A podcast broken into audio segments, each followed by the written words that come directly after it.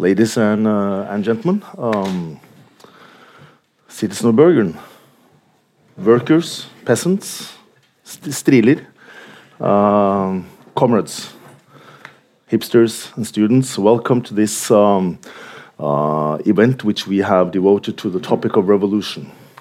Uh, my name is Christian Kjelstrup, and I'm the editor of Samtiden, which you know was founded in Bergen by Gerhard Gran back in 1890s. And our main topic for this edition of is revolution in general. And I'm so privileged to have with me here uh, one of the leading authorities within uh, the field which you could call revolution studies uh, in the world.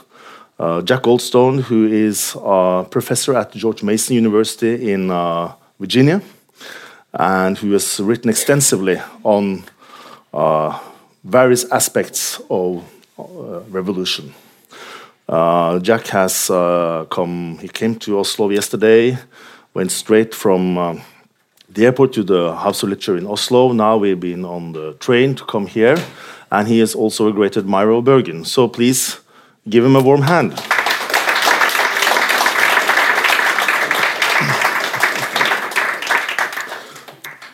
Thank you, Christian. I should probably tell you, uh, I'm not going to give you a long uh, speech about Samtiden in general, but it's on sale there. And I'd just like to tell you that the way we composed it is that we have articles dealing with political revolution, uh, the traditional uh, understanding of what the revolution is, which is your topic. And then we also have uh, essays on revolutions uh, in a more broader sense of that word. Uh, revolutions within uh, natural science, technology, philosophy, economy. Uh, it's a real exciting topic, and I have to ask you, Jack. you've been working with this now for I don't know for how long time, but you're traveling the world speaking Decades. about revolution. Yes.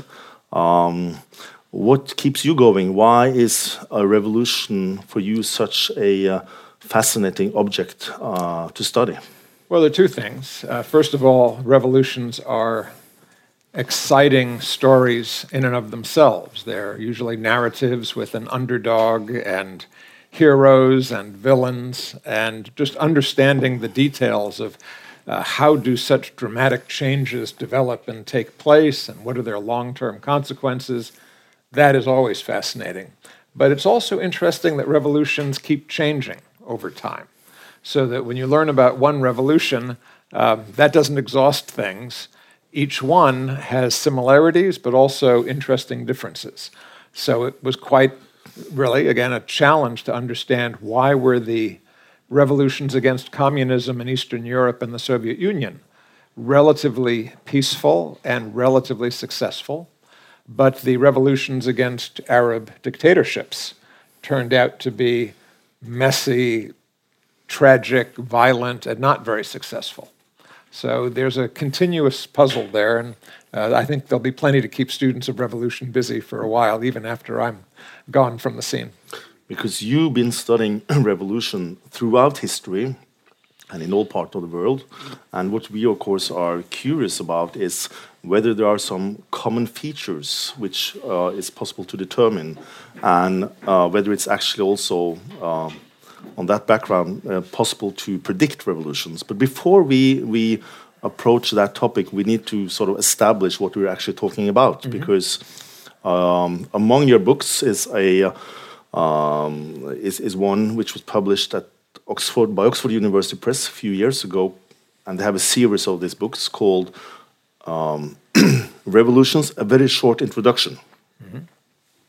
uh, and as we talked about yesterday. Uh, uh, and th th this book is not only an introduction; it's uh, it's a short introduction, and it's not only a short introduction; it's a, a very short introduction, and yet it's quite a complex topic that you write about, even in this rather tiny book. We all tend to believe, I suppose, we have quite a good understanding of what a revolution is. But when you define a revolution, uh, you distinguish it from civil wars, coup d'etat, uh, social uprisings. So you have to tell right. us what is your uh, definition of uh, revolution as a notion. Yeah, that's it's a tougher question than you might think. Uh, there's the myth of revolution, which involves uh, fighters coming down out of the hills or rising up in a city and storming the barricades and overcoming the nasty old regime government that has been oppressing the people. And that's the, the happy, heroic story. There's usually some martyrs there as well, but it's a, it's a story that is uh, made for the movies, as it were. It's kind of a, a action story where someone decides they're going to lead a fight for justice. But the reality of revolution is uh, rather more messy and rather more varied. Now, it is still true that revolutions start out as a fight for justice, but what some people think of as justice is very different uh, than what we might view. Uh, the Germans who supported National Socialism, the Italians who supported uh, fascism, thought they were supporting a movement to strengthen and revive their countries. Uh, they supported a revolutionary change. Uh, a lot of people don't consider those revolutions because they were bad revolutions in a sense. Uh, but a lot of revolutions, I think, do turn out badly. Uh, the Russian Revolution, 100th anniversary, is being celebrated uh, many places. It's being mourned in others. Uh, in fact, even in Russia, there are virtually no celebrations of the 100th anniversary of the revolution because the attitude in Russia is well, what was this thing that happened in 1917? Was it the uh, beginning of a new communist future? Well, that's kind of been pushed aside now. Uh, was it the beginning of Russia uh, as a great power? Well, that's a story they can tell. And the Kronstadt Museum uh, outside of St. Petersburg has had its mission changed. It's no longer a tribute to the revolutionaries, it's a tribute to Russian military forces and their role in the world. If I might interfere, yeah. Uh, the lack of celebration of revolution in, in Russia today might also have something to do with uh, the fact that the current president is probably not too keen on uh, um, on the people getting too inspired by the revolution. But yes. we might return to that afterwards. Well, no, look, that, that's exactly right. But that gets to the point of what is a revolution? Is a revolution an episode of disorder and chaos and violence? That's why Vladimir Putin doesn't want that. He wants to be the good Tsar for his people and, and not be overthrown. That's his nightmare, right? Um, his reaction to the revolutions in Ukraine, uh, in Georgia, has been these are bad things. We need to turn those backward. On the other hand, uh, in the United States, my country, in France, uh, there's a history of celebrating revolution as a good thing. It's the festival of the peoples. It's the time when citizenship was created uh, and monarchy and aristocracy was overthrown. Uh, because you have these opposite conflicting visions of what a revolution is, the only thing to do is admit that revolutions are not just one thing. They involve popular mobilization and uprisings, but they also involve divisions in the elites that is, the military, the bureaucracy, the business elite. A large portion of them also turn against the government. They feel the government has lost its grip. And revolutions, in fact, only occur when governments undergo a kind of financial or fiscal or legitimacy crisis. So revolutions are more common when a government has lost a war, uh, when there is a change in succession or uh, a leader uh, fails in some way, a major recession. Uh, in Southeast Asia, revolutions occurred in the wake of World War II. As the Japanese were defeated, they withdrew from Vietnam, they withdrew from Indonesia. That left a power vacuum and popular mobilization, uh, communist in Vietnam, anti communist in Indonesia. Uh, those popular movements stormed to power. You, you write in your book that uh, it's a myth among many myths about revolution mm -hmm. that uh, social injustice and anger uh, fueled by it itself is not necessarily a reason for a revolution to happen. There had to be some That's uh, other conditions present. What are those uh, main conditions? That's right. If you uh, step back from the drama, the sad reality is that peasant uprisings and urban riots are usually suppressed. Um, what's necessary for a revolution to succeed, even to really start to create a, a large impact, is for elite leadership to join with the popular movement and provide an organized challenge to the government. It's also, frankly, necessary for the government to be undergoing some kind of crisis. The, the general rule is that a strong government that has elite support doesn't fall to revolution, can't be overthrown no matter how discontented or unhappy or oppressed people are. As long as the government is in control of the military, as long as the government can pay its bureaucrats and administrators, and as long as those elites have faith that the ruler is working for the good of the country and not to undermine it, uh, things go well. The suddenness of revolutions, the way they seem to come out of nowhere, is partly because when elites change their allegiance from doing everything they can to support the government to deciding that the leader is too corrupt or too enthralled to foreign nations or simply uh, has adopted a set of interests that don't coincide with their interests, uh, the elites can turn on the government very quickly. And when that happens, uh, there's no choice but for the ruler to run for his life. And that's what you sometimes see is, you know, everything seems fine, and then all of a sudden there's some demonstrations. They get larger. The military refuses to fire on the crowds. Uh, bureaucrats start deserting. The revolutionary leaders get traction. And all of a sudden, the ruler who is accustomed to saying, get rid of those troublesome people, finds that no one is listening any longer. And um, that's when you have someone like uh, Ben Ali in Tunisia who has to run, or uh, uh, Mubarak in Egypt, I'm sorry, Ben Ali in Tunisia, Mubarak in Egypt has to suddenly resign. Uh, and people did not see that coming even a few months before. Speaking of this suddenness, because I, I noticed that there are other scholars who would include in their definition of what a revolution is, of the keyword suddenness, sudden, rapid, uh, unpredictable change. Uh, whereas you, because there is a certain debate within this uh, scholarly field as well of what a revolution actually is, you have excluded that word from your definition, as far Correct. as I know. Right. Why you is know, that? Well, yeah, I was reading an interesting article earlier today about an entomologist who loves flies. And you know, what do you think of a fly? It's a little thing that buzzes around. But when you study flies, there are 163,000 species of flies. Some are large, some are small, some have one kind of habit, some have another. Revolutions have that same kind of variation. Uh, some revolutions are sudden, some are drawn out, some are violent, some are relatively peaceful. Some lead to democratic outcomes, some lead to dictatorships. And if we're really going to study revolutions, part of the challenge, as I say, what keeps it fascinating, is trying to understand all that variation. The basic ingredients are similar. There's a, a, government that is breaking down and losing the support of its elites. There are elite divisions so that people are fighting over what is necessary to strengthen or save the country.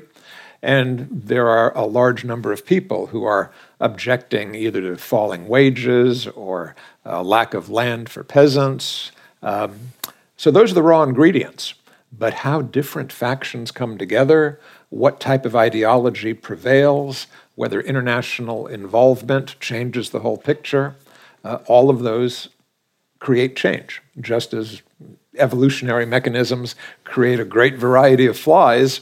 Uh, the complexity of social interaction involving millions of people, all seeking their own particular goals, creates variation in the outcome of revolutions. Uh, you mentioned this ent entomologist, right? And an entomologist is an expert on insect, insects, insects, right? right? Yeah. And for a second, I, I thought you said uh, etymologist or, or, something, somebody who's uh, studies words. Et etymolo etymology, yes. So, but if you look at the, at, at uh, the history uh, of the word uh, revolution, yeah, that's a, which a good point. we tend to believe is the story or of a certain progress, or more freedom given to more and more classes who are included into society. Actually, as far as I know, the original or one original uh, meaning of the word was uh, opposite. It was had to do with uh, what uh, Copernicus, which indeed was the uh, uh, promoted a, a, revolution within his field of science, uh, he defined revolution as the circular movement of celestial bodies. Yes. Uh, so that notion has changed quite a lot over the years. It has. Um, now, revolution. Some people see revolutions as only being characteristic of a certain stage in history.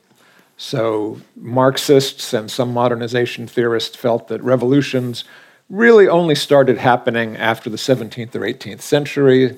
Um, and that's when you start to see a particular kind of revolution. To get back to your notion of the word, the word that we use as revolution, revoluzione, appeared in Italian, and that was in the um, city states of Renaissance Italy, where there was generally an elite party and a more uh, populist party supporting the uh, guilds and the uh, working people.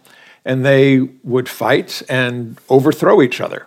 And the alternation, you know, alternation, the uh, Guelphs, the Ghibellines, one's up, one's down, and this revolution of uh, power between authorities was seen like the revolution of the heavenly bodies. Sometimes they're, they're up in the sky, sometimes they're down. But there are older words for this. Uh, the Greeks had a word, uh, stasis, for uh, disruption. Uh, in the Arab world, it's fitna, which is again a breakdown of social order. And uh, the revolution concept was Uh, particularly attractive to Europeans who thought in terms of ruling houses and that a ruling house could rise and fall. The French Revolution, though, did mark something different in that prior to 1789, the people who were trying to bring about revolutions, they themselves thought that they were restoring a previous order. That is, they were bringing things back around to a different point in the cycle when things were better. If the oligarchs were in charge, they were going to restore uh, more democracy in Florence or vice versa. But they had the sense that they were, you know, we weren't creating anything new, we're bringing back the order of the Roman Republic or Greek style democracy. But the French felt that they had created something new, that they were creating a break in history that the traditions of monarchy and feudalism and even the Christian justification that kings have divine authority given by God for the kings to watch over their people, that was going to be replaced by a new social order that was the product of human reason. This was the Enlightenment, the idea that, you know, whatever the ancients did, whatever the medieval world did, that wasn't good enough. We were going to create something new, rational, superior, modern. And since the French Revolution, every generation of revolutionaries has flattered itself to believe that they were going to create something new and better, whether it was uh, communism in Russia or socialism with Chinese characteristics in China or an Islamic republic in Iran. Uh, part of the excitement for modern revolutionaries is what can we do to make our revolution different and better than anything in the past? And that only started uh, in 1789. The French Revolution is indeed, uh, after many revolutions, perhaps one of the very most famous ones. Do you think it deserves that position? In some ways, it does. Um, the documents that grew out of the French Revolution, the Declaration of the Rights of Man and Citizen, is one of the most sweeping, universal claims that all men are equal and all men should share in government. Uh, even the American Revolution, the documents patterned themselves more on the British uh, glorious revolution of 1689, which looked back to Magna Carta and argued that it was just restoring, you know, circular, was restoring the rights of Englishmen. And the Americans felt that they were not getting the rights of Englishmen from George III, so they were going to create their own government. But the French, in their you know, universalizing, abstract French philosophical way, said, our revolution represents the culmination of human nature. And it's in the nature of men women, they weren't so sure about. but certainly it's in the nature of men as thinking social beings to want to control their future and not to be subordinate to church or kings that are handed down from the past. So, in that sense, it was a real break in history. The problem is it's become so famous, and the guillotine and Robespierre and all the legends, that when we think of revolution, we tend to think that's the model. It's got to be like the French Revolution, or it's not really a revolution. Well, but that's not quite fair. Uh, after all, um, Castro created a different model for revolution in Cuba that also became kind of a popular myth. You go into the hills, you recruit energetic young men and women peasants. You arm them, create a guerrilla army. You continue to fight until you wear down the government. And eventually, when people realize that you're presenting justice and the government is unjust, the forces of the government will fail and defect, which is what they did. They eventually ran away. And then you can march out of the mountains, claim the capital, and create your new regime. Now, that's kind of a slow motion model. you notice you're surrounded by, by mountains yes, That's right. So, uh, mountains, do they play a role in revolution, would you say? You know, mountains, jungles, and cities have all made it possible for mass mobilization to evade being immediately shut down by government forces. Now, if the government forces remain loyal and disciplined, they can eliminate rebels from city streets, from the mountains, from the jungles. Che Guevara thought that he had a magic formula for revolution based on his experience in Cuba, and he went to mobilize the oppressed peasants of Latin America, and he failed. Uh, and he failed because the governments in Bolivia, where he was fighting, uh, recognized that they learned from the mistakes of the Cuban government. That they said, we got to eliminate these rebels quickly. In Cuba, the dictator uh, Batista made a few mistakes. He decided he would show his leniency by letting Castro out of prison after he'd already been caught once and put in jail for an attempted rebellion. Now, if uh, Batista had been a bit firmer and a bit more ruthless, he, he might have stayed in power longer. Uh, so, what we see, for example, in Bahrain in 2011, um, maybe 30% of the population was involved in protests against the Sultan's government. And gosh, you'd think any place where 30% of the population joins a rebellion, what could you do? It'd be impossible to put it down. But Saudi Arabia offered all of their support to the Sultan. Uh, the Sultan uh, was a Sunni ruler looking at a Shia majority population, and he was able to rally the uh, Sunni elites uh, in the military. And they simply decided we're going to do whatever it takes shoot as many people, jail as many people, close down the city center, and they prevailed. So, Norway has mountains, lots of places have jungle. Uh, if you ever get a government that is hated enough and weak enough for the people to go into the mountains and start organizing, that's a good base for revolution.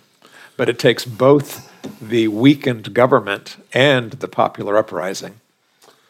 We'll have to see about that. But if we if we Norway's should, a happy uh, place, should, should though, dwell right? upon uh, the the French Revolution just Mm-hmm, a little sure. bit more, uh, I'd like to ask you because when you write about revolution, you treat it as almost a uh, a, force which is uh, inseparable from history itself. Mm-hmm. The way it pushes society throughout the whole history from ancient times. Right.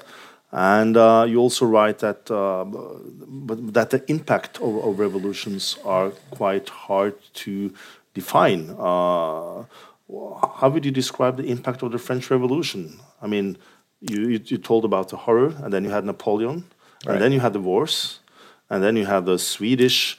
Uh, the Swedes getting Norway, more or less, uh, from That's the right. Danish people as a result of the war. That's Is that all due to the revolution? Yeah. You know, it, yeah, if, if you go to um, Lake Constance or Lake Geneva on the German southern shore, there's a beautiful island in the lake that's the property of a, a Swedish princess because it was one of those families that got displaced. So revolutions just create a mess. They scatter people and powers and things all over. But revolutions don't occur at random through history. It's not the case that you have one here and one there, although sometimes it seems like it. But revolutions do tend to occur in waves. So in Europe, the 17th century saw not only the uh, Scottish and Irish and English revolutions against the British king, they also saw the Fronde rebellions in France, the um, rebellions in Sicily, and rebellions at the same time, pretty much, uh, even in Japan, the Shimabara Rebellion, 1632, the collapse of the Ming Dynasty. And then all of a sudden, you know, after about 50, 60 years of rebellions and revolutions all across Eurasia, things seem to settle down. And you don't have any major revolutions for uh, almost 100 years. And then again, around the 1760s, 1770s, you start seeing uh, the French Revolution, but also a, a, whole series of Atlantic revolutions. The American Revolution a little earlier, the Haitian Revolution just afterwards, the revolutions in Latin America, then the revolutions of 1830, then the revolutions of 1848. Then there's another kind of calm second half of the 19th century, dominated by Prussia, uh, the coalition governments. Uh, but there's a surprising absence of revolutions until around the 1900s where you not only again see uh, the Russian Revolution, but there are also constitutional revolutions in Iran and in Turkey. Um, so, why are these revolutions clustered in these kind of waves? Obviously, the Arab revolutions of 2010, 2011, the anti communist revolutions that spread all the way from the Baltics through Central Asia. Now, the reason for this clustering is that the conditions that weaken states and create problems for elites and ordinary workers and peasants are related to some of the larger sweeps of history. Uh, population and climate play a fairly big role. If population has been growing for three or four generations and there's a, a downturn in the climate, this creates a real crunch in the ability to produce food, provide jobs. You have elites fighting over the surplus. You have government being pressed to deal with uh, larger numbers of people, larger elites. And unsurprisingly, a lot of governments facing similar situations start to weaken and fail. And if a challenge in one area is successful, people take heart from that, and the challenge then multiplies elsewhere. Revolutionary ideologies also spread.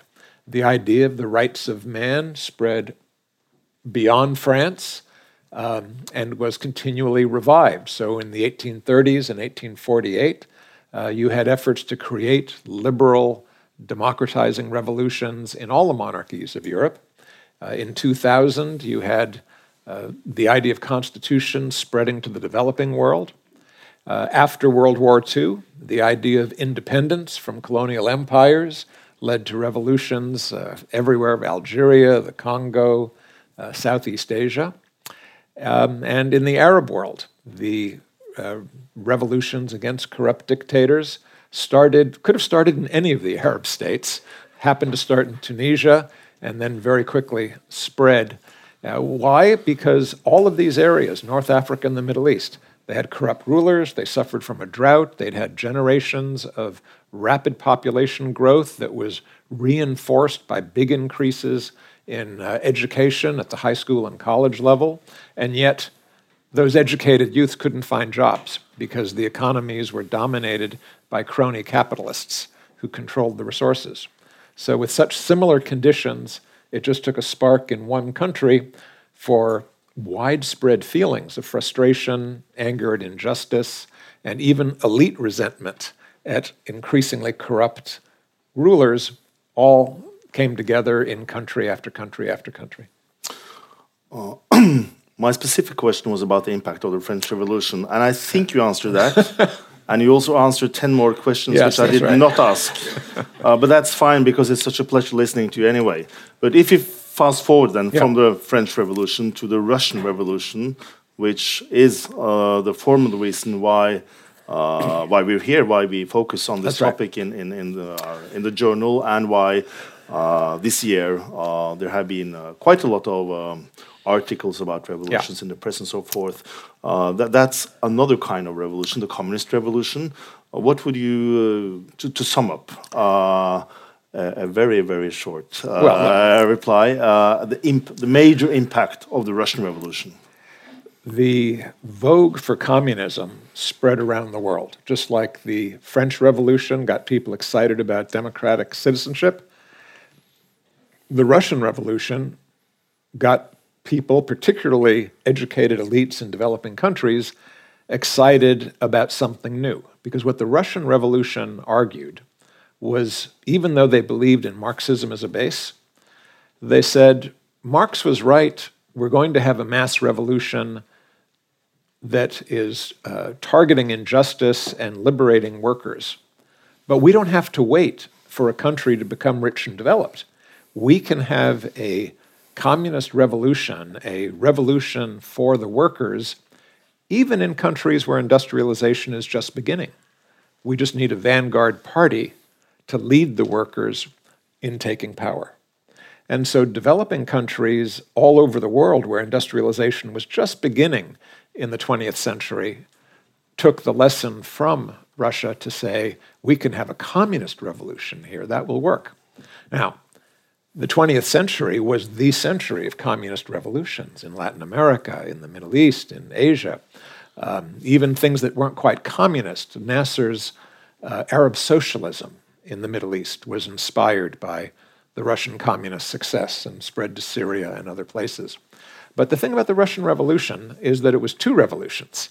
It was a very short lived democratic constitutional revolution when the Tsar abdicated in the face of Russian defeats in World War I, but that democratic government was so divided and incompetent and irresolute that they created an opportunity for a more radical and ruthless group to seize power. And what people sometimes don't realize is that the communist revolution was carried out as a coup in the dark of the night. Uh, the collapse of the Tsarist regime in February uh, was accompanied by big street protests and peasant uprisings. But when the communists took power, they simply sent their representatives to seize the telegraph, post offices, the government buildings. And as they say, St. Petersburg went to sleep one night thinking it was a republic, and it woke up the next morning to find that it was now communist. And that's a different kind of revolution, but turned out to be extremely effective. Now, that said, not everybody went along with it, and the communists found that they had to create a Red Army and defend their revolution against counter revolutionaries who came out of the Russian aristocracy and the Russian military. But they were, they, the Red Army was successful, and they created this vision that even swept up a lot of Americans, like John Reed and uh, others who thought, you know, this communism thing, that's pretty cool. They're going to give the workers power. They're going to take care of the peasants. They're going to get rid of the evils of capitalism. Uh, look what we've got here with the Great Depression and the Gilded Age and the Rockefellers and the Carnegies benefiting uh, while everyone else suffers. Of course, we didn't know about the millions of people that Stalin was starving in order to accumulate the wealth he needed to industrialize Russia. Just as even in China, we didn't realize the tens of millions of people who starved under Mao's Great Leap Forward, his vision of how to bring communism and industry to a peasant country. Uh, he had these terribly misguided ideas about both agriculture and industry. But the, the vision, in my view, of communism was one of the most tragic elements of the 20th century. Uh, it triumphed over Nazism, which was great, but the fear of communism in the West led to all kinds of undesirable outcomes, and the enthusiasm for communism in much of Asia and Latin America also led to terrible outcomes, from the genocide in Cambodia to the Korean War, whose consequences still haunt and frighten us today. Uh, you know, you asked about why I'm interested in revolutions. When you start tracing the consequences of an event like the Russian Revolution for the effect it had on geopolitics, the spread of its ideology, the uh, impact of communist leaders as guiding a myth that others would follow, it's really quite staggering. it really changes everything in the 20th century. If we should stick to a Marxist view on history, mm -hmm. uh, one could argue that um, because that such a view would be about more and more classes being included into society and given certain rights. Like in the French Revolution, supposedly the workers, the third estate, should have obtained those rights. They didn't. They fought for it in the in the Russian Revolution, whereas today, all not although not in the whole world, not at all, but in many countries, democracy has prevailed, and one could argue or expect that there is no longer any need for revolution. History has come to its end. Yep. Uh, and the Russian Revolution indeed seems a bit old-fashioned today. And why even talk about it? Right? It's in the past. And yet, uh, as far as I know, according to you, revolution will stick with us forever. Is that yeah, correct? Well, as a social scientist, it would be wrong for me to personify history. But if you treat history as an author, she has both a remarkable sense of tragedy and comic irony, because you're always finding uh, unexpected consequences and twists. So, one of the great ironic twists for me is that the communist revolution um, in Russia and China were supposed to bring about the end of capitalism. And in fact, the collapse of communism in the Soviet Union gave America and Europe kind of free rein to believe that capitalism is the only game in town and don't even bother with trying to hem it in. During the Cold War, all kinds of people said, you know, you have to restrict capitalism, you have to add socialist elements because otherwise, you know, how can you compete with this communist workers' paradise? Uh, but once we learned that the workers' paradise was a sham and a facade, and that uh, the United States and Europe were technologically uh, and economically far in advance, people thought, you know, let communism, I'm sorry, let capitalism run. Just the more the better. And of course, the irony of that is it led to the speculative excesses and the economic collapse of 2007 2009, and the austerity policies that followed, and the enormously rapid growth in income inequality and wealth inequality that followed led to a new wave of nationalist populism uh, that seems to say, you know, maybe socialism and communism had some things that, that were needed. Maybe capitalism really does kind of destroy itself and undermine workers if you just let it go without any regulation or restraint.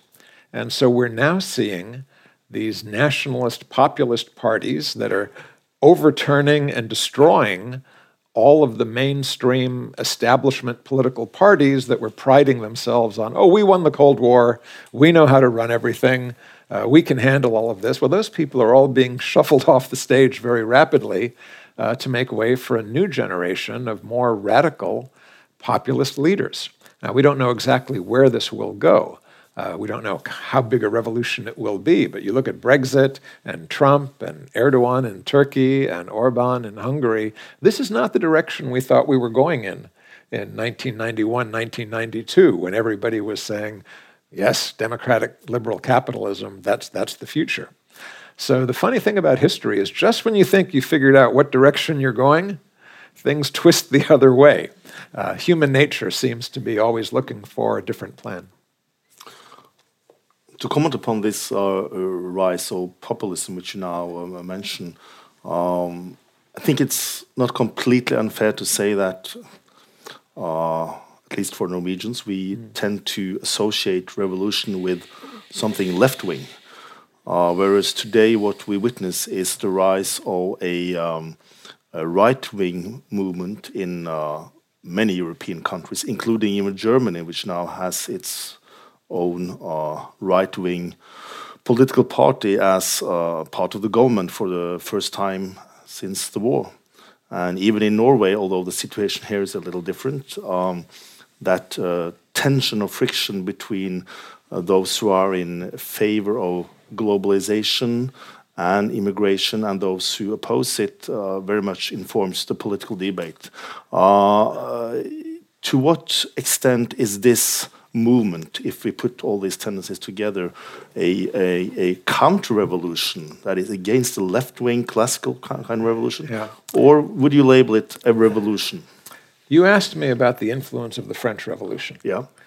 You know where we get the terms left and right in politics. That's from That's the from French the French yeah. Revolution. That is They- the- where they were seated. So those would be left wingers and those would be right wingers. Yes, the, yeah, yeah. The, the delegates who wanted to destroy feudalism completely uh, were on the left side the moderates who wanted to preserve a certain amount of uh, private property, bourgeois capitalism, and elite privilege uh, were on the right. And so the kind of the moderates um, who were more property based, they were identified with the right, the more radical redistributionists with the left. But those are old terms, all right? We're talking about something that's almost 250 years in the past.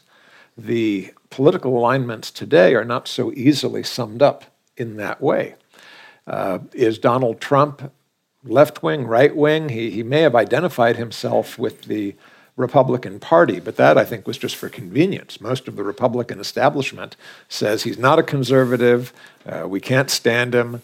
Um, the, the conservatives in America now are divided between kind of the traditional conservatives who believe in free markets um, and the uh, nationalist conservatives who want America first. They want to withdraw from international trade agreements.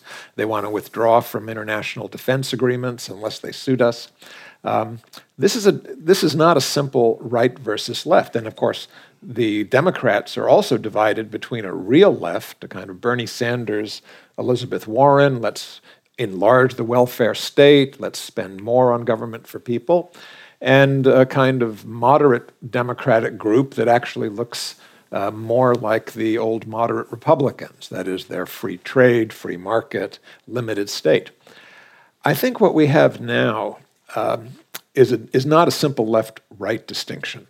Rather, you have cosmopolitan elites who believe the future of mankind lies in breaking down uh, old identities and old national barriers and creating a kind of new international community where we eat sushi and Argentine beef, and we watch uh, movies from America and Europe and China, and we travel and we shop and we consume literature and music from all over the world, and we have pride in all of the accomplishments of humanity, and we recognize a responsibility. Given the tragedies of World War II and the genocides that have followed in Rwanda and Cambodia, that there's a human responsibility to take care of people who are suffering and to try and extend the benefits of democracy and freedom worldwide. Now, that's kind of a, a noble, inspiring view. I identify with it myself, and that was identified by elites in the post World War II period as progress. Problem is, it didn't do much for a lot of people. Uh, for m- millions of people in my country and other countries, what gave meaning to their life was feeling they were part of a national community, that they were proud of its distinctiveness, its history, its language, its heritage, and they were willing to vary their diet and listen to rock music, but they didn't want to give up being in control of their own community and their own destiny. And they were willing to listen to elites and tolerate some globalization as long as it seemed to enrich them. But when it stopped being economically beneficial, around 1980, you see a clear turn in global wages, they started to get angry and mobilize against that. So now there are elites who are primarily uh, nationalist, who are also, however, in favor of using government as an instrument to win national support. Uh, in a sense, they're not quite left or right. In some ways, they're more reminiscent of, uh, I hate to say it, but in some ways, the combination of National Socialism, that is, a strong authoritarian government that takes kind of paternal responsibility for its people. So, what Xi Jinping is doing in China with a Confucian label is exactly a paternal authoritarian leadership. What Vladimir Putin is trying to do in Russia, same thing. Trust the government, we'll take care of you, we'll protect you against your enemies. And you're starting to see this also spread in Europe. Uh, and what you describe now is indeed the, the, the current situation and, and, a fair description of what is uh, perhaps one of the most important features, or at least uh, European politics. Uh, but uh, what I wonder is, uh, uh, as an expert on revolution, is it a revolution? What is going on? You know, what, what would be your take uh, out of this? Do you, do you see in the nearest future, if you should give a shot, um, frankly speaking, any any any revolution uh, on the rise? you always have a risk for revolutions where you have an authoritarian government that is perceived as unjust. Because if that government, in addition to being perceived as unjust, starts to be perceived as ineffective, people will mobilize to change it. So even in dictatorships that seem very effective today, whether it's Saudi Arabia or China or Russia, uh, there is certainly a potential for revolution if there's an economic crisis that those governments cannot handle, or if elites find that the leadership has become uh, too hostile to their own interests. If, for example, the Communist Party leaders in China think the anti corruption campaign is actually threatening too many of them, they may turn against Xi Jinping as he consolidates his authority. I don't see revolutions in those countries right away, but I see the potential in 10 or 15 years. Uh, at the moment, a country like Venezuela, which has a government that is struggling to hold on to power but is on its last legs, is almost certain to be overthrown before long. Um, the governments of Honduras, uh, Guatemala, uh, Nicaragua are similarly uh, beleaguered uh, governments that are losing their legitimacy. We have uh, demonstrations in Honduras, even as we speak, contesting the last election. Now, those may be revolutions that are more like the Orange Revolution or the Maidan Revolution, that is, mass protests in the wake of a contested election that demand a change in leadership and, and achieve it. Uh, we're not seeing so many of the uh, militarily armed uh, revolutions as we used to. Uh, and that's because populations around the world are getting older and therefore less likely to mobilize uh, behind violence. Instead, they turn to street demonstrations and protests. Um, but we're certainly liable to see some violent revolutions in sub Saharan Africa, uh, places like Chad, Sudan, um, Zimbabwe, which is now going a kind of difficult change in government, probably in the short term the uh, leadership will seek to hold on to power and be fairly ruthless about it, but people in Zimbabwe certainly are eager for a change, and if they see the opportunity, are likely to seize it. Now, in the West, where we have democracies, you don't have the same potential for violent revolution because people can mobilize and organize to vote. And what you have, the equivalent of a revolution in a democratic country, is the displacement of existing political parties and their replacement by new parties that promise to change everything. Uh, so, what happened in France with Macron, who kind of destroyed both of the existing parties, or what happened with uh, Nigel Farage and Brexit, uh, putting forward a, a program that neither the Tories nor Labour wanted, but that changed the politics of the country uh, and Trump. These are the beginning phases of an effort to revolutionize politics in these democratic countries. Now, I don't know how far it will go.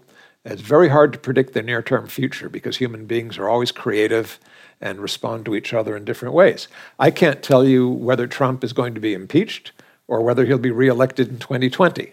A lot depends on what happens with the economy in the next two years and whether the Democrats divide and self destruct or decide to unify behind some new democratic leader. But what I can tell you is that politics as usual in these countries is over. And we're going to see unexpected, rapid shifts. Nobody thought Jeremy Corbyn had a, a shot in hell of becoming prime minister. Now he's the favorite. Nobody thought Donald Trump could become president of the United States. Uh, now he's already planning on his second term. Well, he's planning on it. He, he says he's winning. And, uh, you know, yeah. you can't, you, you know, you, you can say everything he says is not true, but he has a way of reshaping events in a way that it's hard to deny. Jack, we are uh, indeed we are approaching the end, uh, and there are other events upcoming tonight. Uh, but um, a few more questions, and then I would need short answers. Very very short answers, um, uh, if possible. Um, and yet, uh, a, a, big question because you you mentioned Russia, uh, and and you also said that um, if there is a general atmosphere of social un, injustice. Mm -hmm injustice, then there's always a potential for revolution. Now, uh, it's uh, in Russia. Uh, it's uh, it's a fact. One could say that the social injustice is present. The basic human rights are denied. Uh, uh, there's a lack of democracy. and yet, it's easy to pinpoint reason why uh, political resistance is hard. Uh, there are not, not mass demonstrations anymore. Uh, it's even prohibited by law to a, to a certain extent.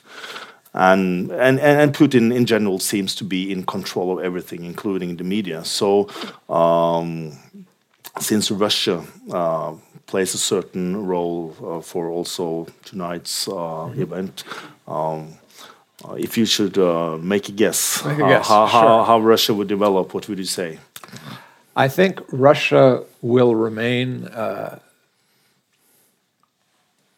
stable under Putin for another five or six years, but decreasingly so. What you have in Russia is populations in St. Petersburg, in Moscow, in Kazan would probably be happy to see Putin go. They don't feel that they have a need for him. Uh, people in the cities feel more confident, autonomous. They protested in 2012 when Putin announced that he was coming back to be president, possibly for life. Um, but for much of the population of Russia, things are actually, even though a little tougher in the last two years, three years, compared to where they were in the 1990s. Life is good. Putin has delivered on a lot of improvements in quality of life for the majority of Russians. He's kept the pensions stable when it looked like they would collapse. He's kept government employment up when people were fearful of losing their jobs, and he's allowed the private sector to do well. If there are any oligarchs who challenge him, he gets rid of them. Now, that said, when Alexander Navalny put out a YouTube video showing that the prime minister, uh, Prime Minister Medvedev, had accumulated a nice collection of yachts and dachas and art collections. It was astonishing. Tens of thousands of people demonstrated against this corruption in all the major cities in Russia all at once. So there's clearly potential there. Uh, Putin's aware of it. He's uh, using propaganda. He's trying to create a friendly opposition to run against him in a kind of uh, token way to legitimate his victory in the 2018 election. But the problem for Russia is what comes after Putin. He's built a system that is so dependent on taking direction from him that it's not clear that anyone would have the loyalty to keep this vast territory stable when he goes, particularly if economic conditions continue to deteriorate. Russia's still de- got an economy dependent on fossil fuels. Fossil fuel prices are probably not coming back to $100 a barrel. And so I expect things will be more and more difficult. And by 2024, um, I think the eagerness for change may lead to a round of demonstrations and perhaps even a Georgia or Ukraine type color revolution. That six years off, but um, I'm, I'm think it's a reasonable possibility. There's so much to talk about. Um, it's a big world, lots of one change. one question though, which is almost impossible to avoid these days, and that is. Um, um, and if you people are leaving for the other event, I would have to tell you I'm also in charge of that, so it's no point really until we finish here. Uh, but um, but we are wrapping up now. But but uh, these days, uh, the Me Too, uh, the Me Too movement is very much talked about. That's right. Uh, almost in terms of a female revolution, and you briefly touched upon uh, the role of women or how they were treated in the French Revolution. Mm -hmm could you um, mm, tell us just a little bit about how the role of the women have been uh, during the most important revolutions? Of course. Well, women have generally suffered in revolutions. They've sacrificed to bring about political change, but in a male dominated world, they were denied political or economic positions comparable to their contribution.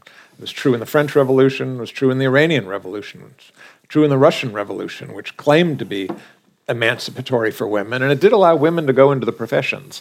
But when it did so, it devalued the professions so that women didn't gain prestige from it.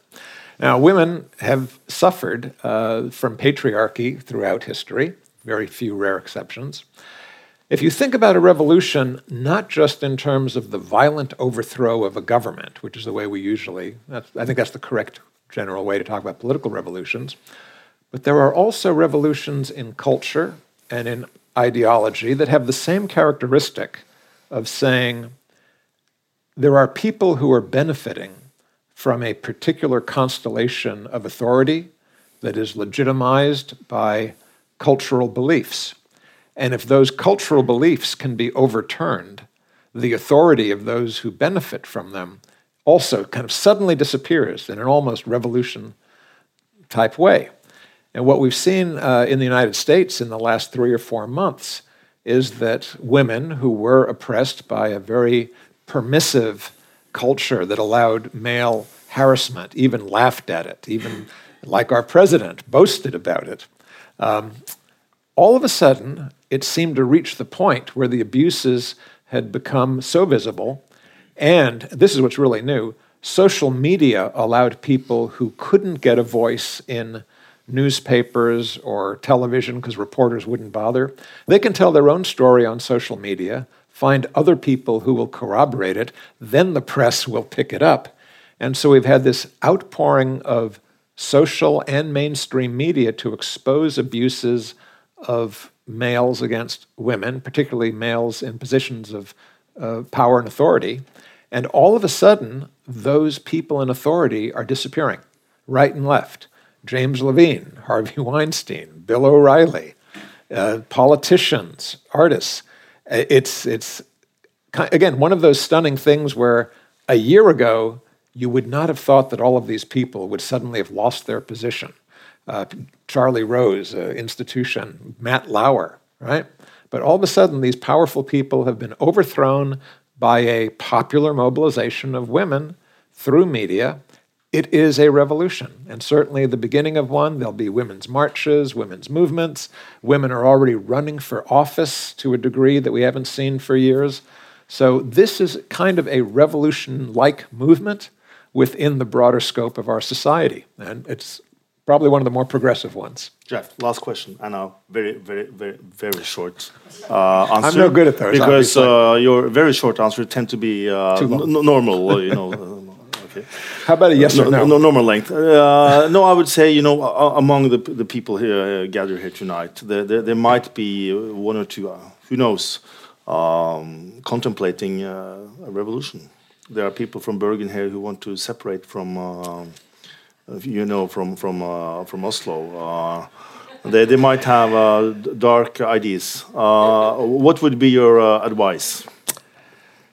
Organize patiently and persistently and be ready to seize your opportunity when the authority that you're fighting shows signs of weakness. But don't okay. Don't move too soon. Don't move too late, and you'll be fine. That was indeed a very short answer. Uh, uh, Jack, thank you so much for for being here. Uh, you know, in, in a, in, a, wedding, uh, when you sit next to somebody and you never know whom you're going to sit next to. You always wonder, uh, would that person have something interesting to talk about? If I went to a wedding, I know whom I would be sitting next to, and I had the pleasure of sitting next to you for an hour now. I don't say I'm going to marry you, but I'm close. Uh, so it has been a privilege having you thank here. You, Christian. Please give pleasure. Jack a warm hand. Thank you. Thank you,